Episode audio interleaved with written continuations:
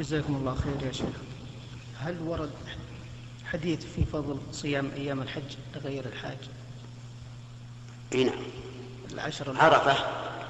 قال النبي عليه الصلاة والسلام في صومه أحتسب على الله أن يكفر السنة التي قبله والتي بعده. هذا يوم عرفة. آه تسع ذي الحجة كلها. قال النبي صلى الله عليه وسلم فيما صح عنه ما من أيام العمل الصالح فيهن أحب إلى الله من هذه الأيام العشر.